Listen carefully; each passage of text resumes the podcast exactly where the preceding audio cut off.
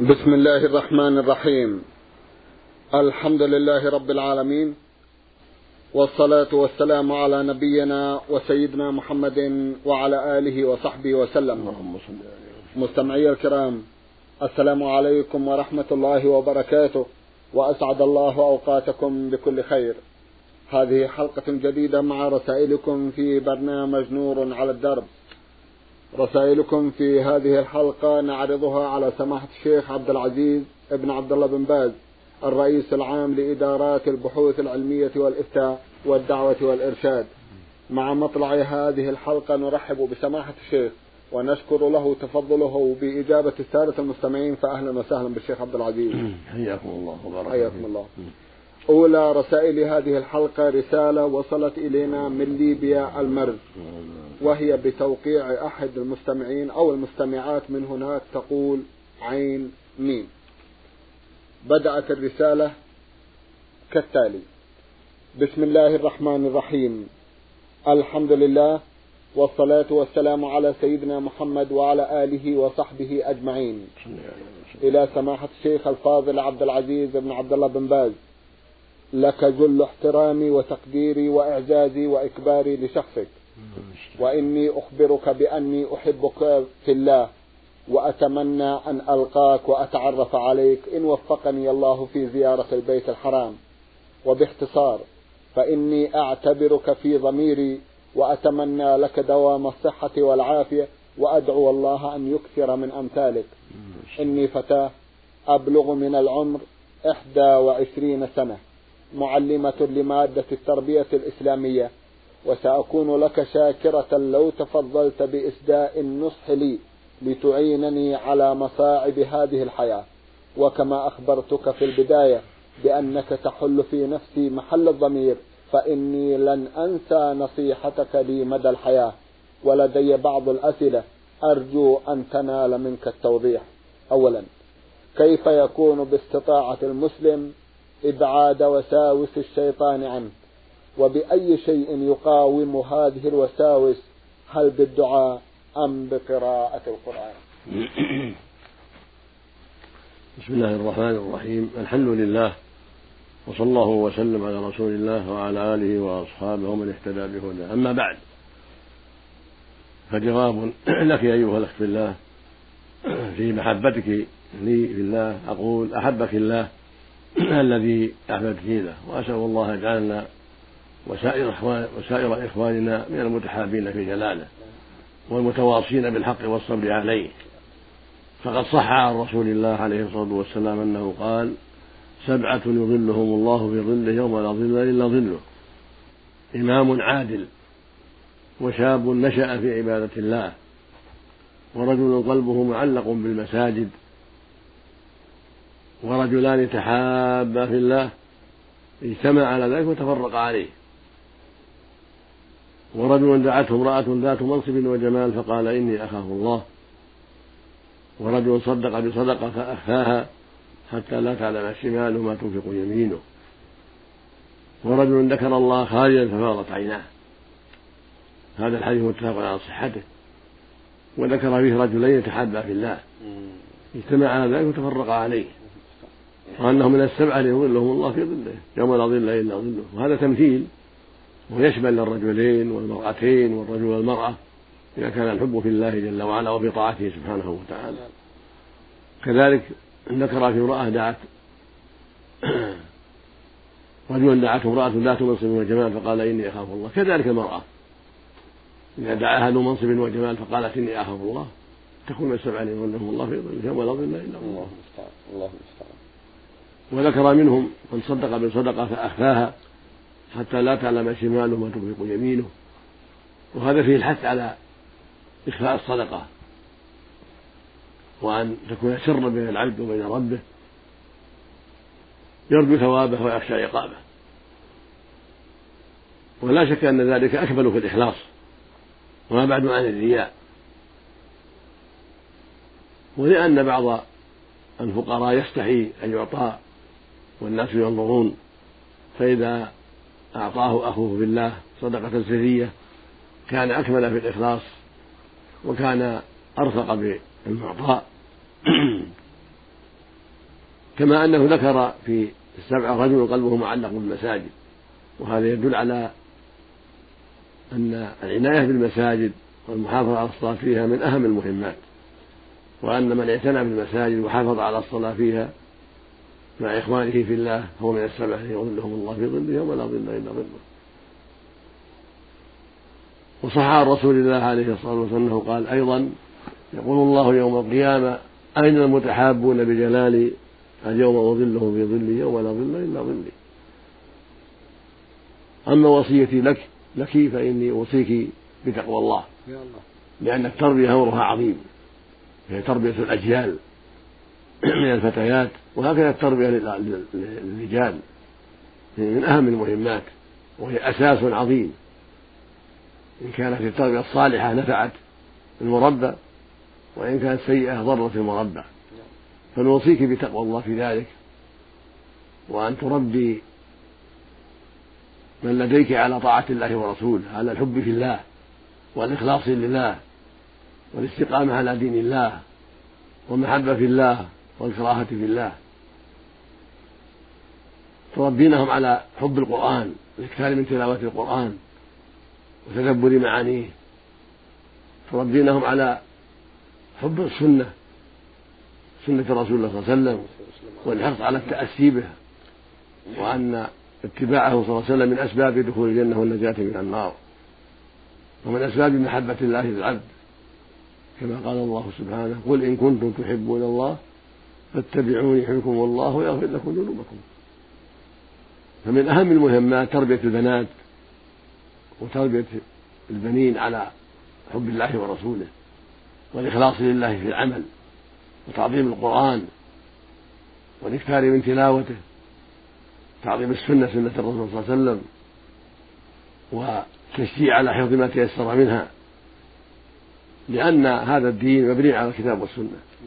فالإسلام هو ما دل عليه كتاب الله وسنة رسوله عليه الصلاة والسلام من توحيد الله والإخلاص له والشهادة بأنه لا إله إلا الله أي لا معبود حق إلا الله والشهادة بأن محمدا رسول الله أرسله الله إلى الناس عامة الجن والإنس وختم به المرسلين فمن اتبعه واستقام على دينه فله جنة والكرامة والسعادة في الدنيا والآخرة. ومن أعظم التربية التربية على حب الصلاة وتعظيم الصلاة والمحافظة عليها في أوقاتها من الرجال والنساء. فيربى الفتيات على حب الصلاة والمحافظة عليها في أوقاتها والعناية بما شرع الله فيها. وهكذا المربي الأستاذ يربي أطفاله وتلاميذه على تعظيم الصلاة وحبها وأدائها في الجماعة والمحافظة عليها والخشوع فيها لله عز وجل. وهكذا يربى الصبي والفتاة كل منهما يربى على كثرة الذكر لله والإكثار من تسبيح الله وتحميده وتكبيره ودعاءه والاستغفار يربى الطفل والطفل على كثرة الذكر. كما قال الله سبحانه يا أيها الذين آمنوا اذكروا الله ذكرا كثيرا. والنبي صلى الله عليه وسلم يقول سبق المفردون قيل يا رسول المفردون. قال الذاكرون الله كثيرا والذاكرات. فيربى الطفل والطفل على كثرة ذكر الله. لا إله إلا الله وحده لا شريك له له الملك وله الحمد وهو على كل شيء قدير. سبحان الله والحمد لله ولا إله إلا الله والله أكبر. ولا حول ولا قوة إلا بالله. سبحان الله وبحمده سبحان الله العظيم. ويربى على الضراعة إلى الله وسؤال الله. العافية. التوفيق لما يحب ويرضى. المغفرة للذنوب يربى الطفل والطفل على الضراعة إلى الله بالدعاء والحرص على دعائه جل وعلا طلب العافية منه والسلامة وصلاح القلب والعمل والتوفيق لكل ما يحبه ويرضاه سبحانه وتعالى. ومن التربية حث الطالب والطالبة على حفظ الوقت. هذا من أعظم التربية أن يحفظ الوقت. وأن يضيع فيما لا ينفع. والطالب يحفظه في حفظ دروسه في مراجعتها في طاعة والديه وبر والديه في التعاون مع أهل بيته في الخير في ترك ما لا ينبغي من السب والشتم والكذب أو صحبة الأشرار أو التخلف عن الصلاة أو ما أشبه ذلك. فالتربية على حفظ الوقت بطاعة الله والإكثار من ذكره وصحبة الطيبين وبر الوالدين والتعاون مع أهل البيت في الخير والصلاح هذا من المهمات. أما الوساوس فهي لا شك من الشيطان كما قال جل وعلا في كتابه العظيم قل أعوذ برب الناس ملك الناس إله الناس من شر الوسواس الخناس وهو الشيطان. فهي من عدو الله. ودواؤها الاستعاذة بالله من الشيطان. هذا دواؤها الاستعاذة صدقا بالله تقول اللهم أعني من الشيطان الرجيم أعوذ بالله من الشيطان الرجيم صادقا مخلصا لله. تعلم أنه هو الذي يعين سبحانه وتعالى وهو القادر على أن يقف شره وهو القائل سبحانه وإما ينزغنك من الشيطان فاستعذ بالله. فأوصيك بالاستعاذة بالله من الشيطان عند كل وسوسة مع ذكر الله سبحانه وتعالى ومع استحضار أن هذا العدو لا يريد إلا إهلاكك وإهلاك جميع المسلمين فلا بد من الحذر منه غاية الحذر وذلك بالتعوذ بالله منه فهو القادر سبحانه وتعالى أن يعينك ويعين غيرك منه.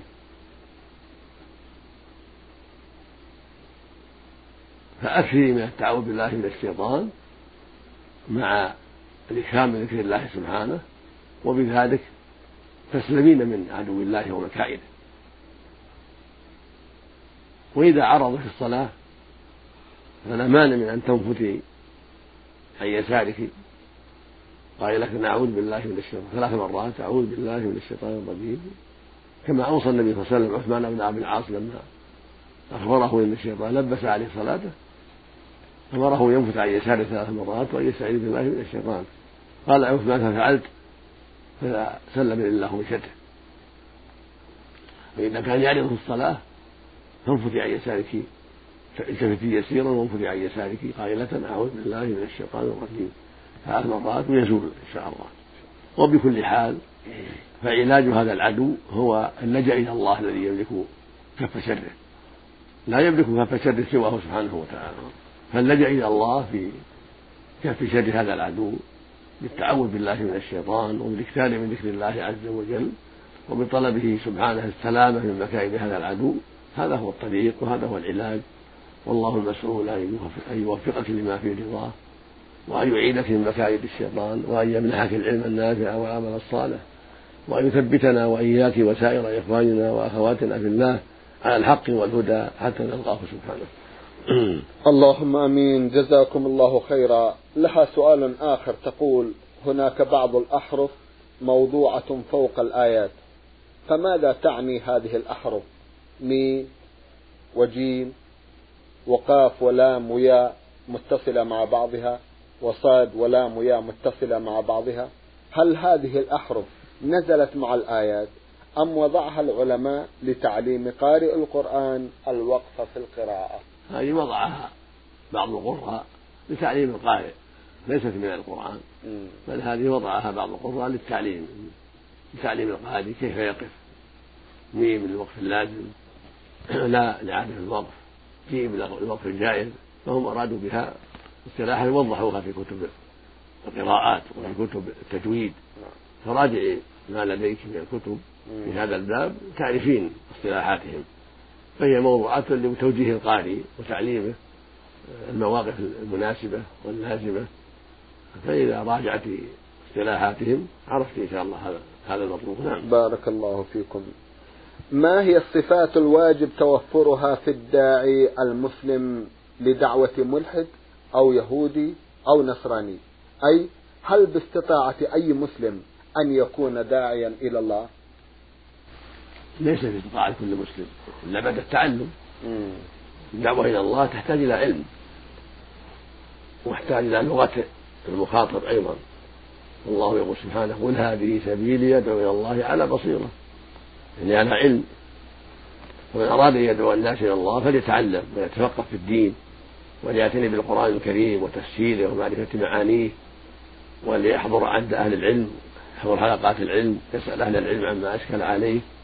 حتى يصلح للدعوة.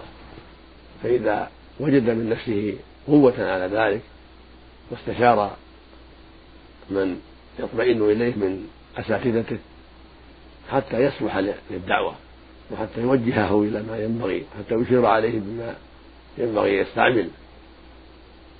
فإذا وجد من نفسه قدرة لأن عنده حاصلة من الأدلة الشرعية من الكتاب والسنة في أي موضوع من المواضيع التي يريد أن يدعو إليها أو يناقش فيها فليتكلم. وإذا كانت لغته لغة المدعو غير العربية فلا بد يستعين بمن يفهم اللغة من الثقات حتى يكون واسطة بينه وبينه في توجيه الخير وإرشاده إلى الحق. باللغة التي يفهمها بواسطة من يعرف اللغة المذكورة من الثقات المعروفين بالعلم والفضل. وإذا كان الداعي يعرف اللغة هذا نعمة كبيرة. نعم. يدعو إلى الله بلغة التي باللغة التي يفهمها ويعرفها المخاطب. وبكل حال فالصفات التي يجب توافرها في الداعي هي أن يكون عنده علم وعنده حلم وبصيرة حتى يدعو إلى الله على بينة وبرفق ولين وبأسلوب يؤثر على المدعو. وأن يكون في نفسه صالحا. حتى لا يحتج عليه المدعو يقول أنت تدعوني إلى كذا وأنت فاسد. تخالف أقوالك أعمالك أعمالك وأعمالك أقوالك. ينبغي له أن يكون حريصا على أن يعمل بما يدعو إليه وأن يحذر ما ينهى عنه. فالداعي يمثل دعوته بأفعاله وأخلاقه وسيرته مع الناس. وينبغي أيضا أن تكون عنده حصيلة محفوظة. من الأحاديث الصحيحة ومن آثار السلف الصالح الذين قاموا بالدعوة حتى يتأسى بهم مع كتاب الله عز وجل والعناية بحفظه وتدبر معانيه والاستعانة بكلام أئمة التفسير المعروفين بالعلم والفضل والعقيدة الصالحة كالحافظ كالإمام ابن جرير والبغوي وابن كثير وغيرهم من أئمة التفسير الذين يستفاد من كلامهم في تفسير كلام الله عز وجل نعم. نعم. فالحاصل أنه لا بد من بصيرة ولا بد من أخلاق فاضلة أن يكون ذا خلق كريم في حلمه وقوله وعمله وأساليبه حتى لا يجد المدعو ثغرة يدخل منها عليه لينتقصه أو ليهج أو, أو ليهجن دعوته ويقول إنك لست كما تقول. نعم. جزاكم الله خيرا. سماحة الشيخ كأنها تفرق بين دعوة الملحد ودعوة اليهودي ودعوة النصراني. لا شك لا صفات معينة؟ نعم لا شك. آه. اليهودي والنصراني عندهم إيمان بالآخرة عندهم إيمان بالرسل وإن كان إيمانهم مدخولا وإن كان لا ينفعهم لأنهم خلطوا كفرا وإيمانا. نعم. لكن دعوتهم أسهل لأنهم يخاطبون بكتب. التي نزلت على الأنبياء وخاطبون بالإيمان باليوم الآخر وأن الواجب الإعداد باليوم الآخر وأن الواجب طاعة الرسل هم يعرفون طاعة الرسل لازمة وأن محمدا من الرسل عليه الصلاة والسلام وتقام الحجج على رسالته عليه الصلاة والسلام ويدعون إلى الإيمان به واتباع شريعته وأنه ليس هناك نجاة إلا باتباع محمد عليه الصلاة والسلام فالحجة قائمة على اليهود والنصارى لما عندهم من العلم السابق عن الأنبياء. وإنما حملهم على ترك الهوى والحسد والبغي ولا سيما اليهود فإنهم أمة الحسد وأمة البغي وأمة الغضب وأمة العناد. وهكذا أئمة النصارى الذين عرفوا الحق ولكن آثروا الدنيا على الآخرة. نعم. فصاروا مشابه لليهود في عنادهم وفي جهدهم الحق وهم يعلمون نسأل الله العافية. لكن الغالب على النصارى الضلال. والجهل.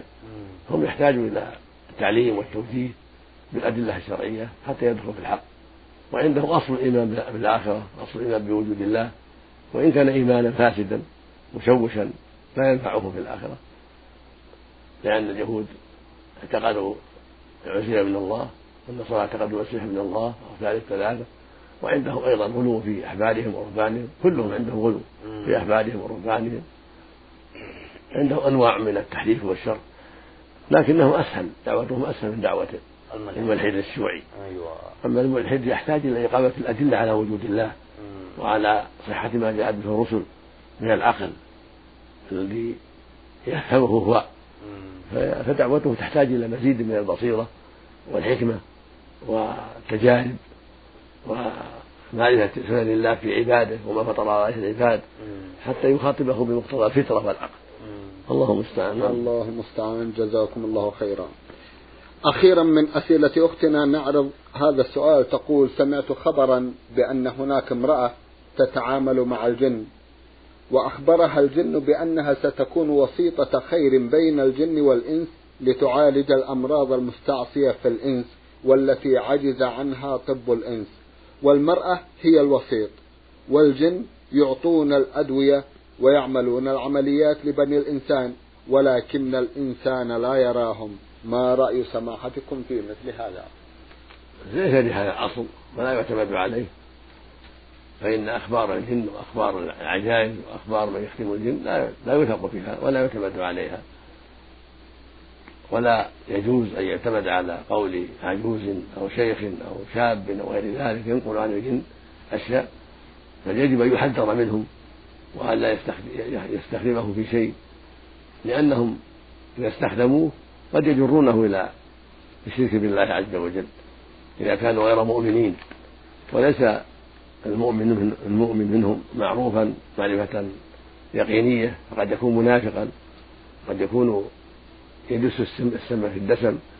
لأنك لا تعرفهم ولا تخالطهم مخالطة جهرية وتعرف أحوالهم وأحوال قرنائهم من الأخيار حتى تعرف الثقة من غير الثقة. فالحاصل أن بيننا وبينهم جهلا كثيرا وأخلاقا متباينة وصفات متباينة لا نستطيع معها أن نتحقق ما هم عليه. ومن عرفنا منهم بما يظهره من الإيمان ندعو له بالتوفيق وندعو له بالصلاح ولكن لا نثق به ولا نطمئن إليه في أن نأخذ منه طبا أو غير ذلك أو نستشيره في شيء أو ما أشبه ذلك. فإن هذا قد يفضي إلى دعوى علم الغيب. قد يبتلى الإنسان بذلك فيظن أن أن عنده شيء من علم الغيب وسط الجن. ويدعو إلى ذلك فيكون ممن قال الله فيهم جل وعلا وأنه كان رجال من الإنس يعوذ برجال من الجن فزادوهم رهقا. فهو مع الجن على خطر. قد يستخدمون في الشرك قد يستخدمون في البدع قد يستخدمون في المعاصي. فيضر نفسه ولا يدري ويضر ويضر غيره ولا يدري. فلا تجوز المعاملة لهم في الطب ولا في غيره. بل من عرف منهم أحدا أو اتصل به أحد يدعوه إلى الله ويعلمه الخير يدعو إلى توحيد الله وإلى طاعة الله وينصحه أن يعلم من عنده خير وطاعة الله عز وجل ولا يطمئن إليه في شيء ولا ينقل منه شيئا للناس لأنه قد ينقل شيئا يضر الناس وقد يعطيه شيئا طيبا ثم يغشه بعد ذلك. فالحاصل أنه على خطر لأنك لا تعلم أحوالهم عن اليقين وهم يرونك ولا تراهم وقد يخفون عنك أشياء كثيرة قد يدعون الإيمان وهم منافقون قد يتصلون بك لأغراض أخرى حتى يأخذوها منك ثم يفعلوا بك ما يريدون فأنت على خطر. فالواجب الحذر منهم إلا من الدعوة إلى الله عز وجل وتوصيلهم بالحق ودعوتهم إليه. وإرشادهم إليه. نعم. جزاكم الله خيرا. هنا رسالة وصلت إلى البرنامج من المستمع سليمان بن علي نزال أبو هديب من الأردن المفرد. له جمع من الأسئلة. من بين أسئلته سؤال يقول نقرأ في كل جلوس في الصلاة التحيات المباركات الصلوات الطيبات لله. السلام عليك أيها النبي ورحمة الله وبركاته. السلام علينا وعلى عباد الله الصالحين. لكننا نجهل كثيرا من معاني هذه الكلمات. نرجو أن تتفضلوا بإيضاحها لنا. هذه الكلمات معناها واضح. فالتحيات هي التعظيمات التي يعظم بها الرب جل وعلا من أنواع الثناء من وصفه بأنه الخلاق الرزاق وصفه بأنه مستحق العبادة وصفه بأنه الذي يعلم الغيب. وصفه بكل ما هو من صفاته العظيمة سبحانه فهي لله خاصة. ما كان من خصائص الله فهو لله. فوصف الله بأنه الاله الحق وبأنه المعبود بالحق وبأنه عالم الغيب وبأنه الخلاق وبأنه الرزاق وما أشبه ذلك كل هذا من التحيات. وهكذا الثناء عليه بالحمد لله وشبه كل ذلك من التحيات. وسماها مباركات لما فيها من الخير العظيم كما في رواية ابن عباس تحيات مباركات وليست موجودة في حديث ابن مسعود ولكنها في حديث ابن عباس وهي ثابتة المباركات فإن جميع الثناء على الله بما هو أهل كله مبارك كله طيب. نعم. ولهذا قال والطيبات كل ما يتقرب به الله ويثنى به عليه من صفاته العظيمة ومن الأقوال المشروعة والأعمال المشروعة كله طيب. كل قول مشروع وكل عمل مشروع تقدمه لله من صلاة وصوم وصدقات كله طيب. لما فيه من التقرب إلى الله والثناء عليه والحرص على طلب مغفرته ورحمته وإحسانه سبحانه وتعالى. فأقوالنا المشروعة وأعمالنا المشروعة التي نتقرب بها إلى الله تسمى طيب وتسمى طيبات. وهكذا الصلوات التي هي الخمس والنوافل والدعوات كلها طيبة. داخلة في الصلوات. الصلوات تشمل الصلوات الخمس تشمل النوافل تشمل أنواع أنواع الدعاء؟ يجب أن يكون لله وحده سبحانه وتعالى. لا يجب يتقرب بشيء من الصلوات ولا بالدعاء إلى غير الله سبحانه وتعالى. فأقوالنا وأعمالنا المشروعة طيبات. وتحياتنا لله مباركات. لأنها مشروعة. لأنها ثناء على الله. واعتراف بأنه مستحق العبادة.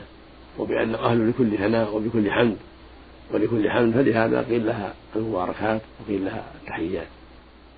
والصلوات تشمل جميع ما شرع الله من الصلوات. من نافلة وفرض ويدخل فيها الدعاء فإنه يسمى صلاة.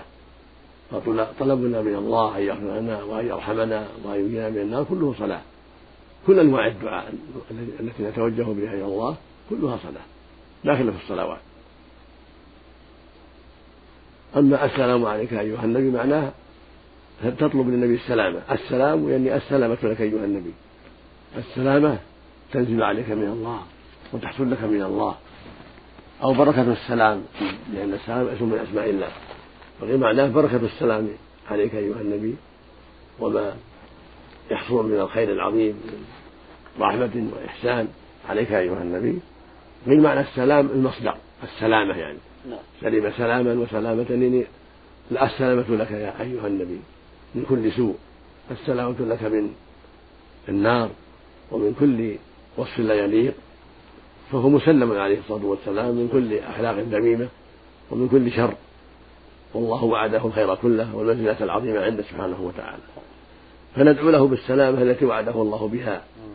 ليعلم الناس أنه عبد من عباد الله. ليس إله يعبد مع الله.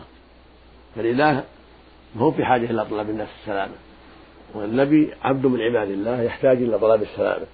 فلهذا شرع الله لنا أن نسلم عليه وأن نسأل الله له السلامة. السلام عليك أيها النبي. ونقول اللهم صل على محمد وعلى محمد. نطلب به الصلاة. نطلب من الله يثني عليه وأن يبين فضله ويعلي قدره. هذه دعوات منا لنبينا عليه الصلاة والسلام. تدل على أنه عبد من عباد الله وأنه بشر وأنه يحتاج إلى الدعاء وأنه ليس بإله يعبد مع الله وليس ممن يطلب منه حاجات العباد. بل ذلك إلى الله سبحانه وتعالى؟ هو الذي يطلب ورحمة الله وبركاته كذلك نطلب الرحمة والبركة من الله عز وجل. وهكذا السلام على عباد الله الصالحين نطلب السلامة لنا ولعباد الله الصالحين من كل سوء. جزاكم الله هذا معنى هذه الكلمات نعم. جزاكم الله خيرا.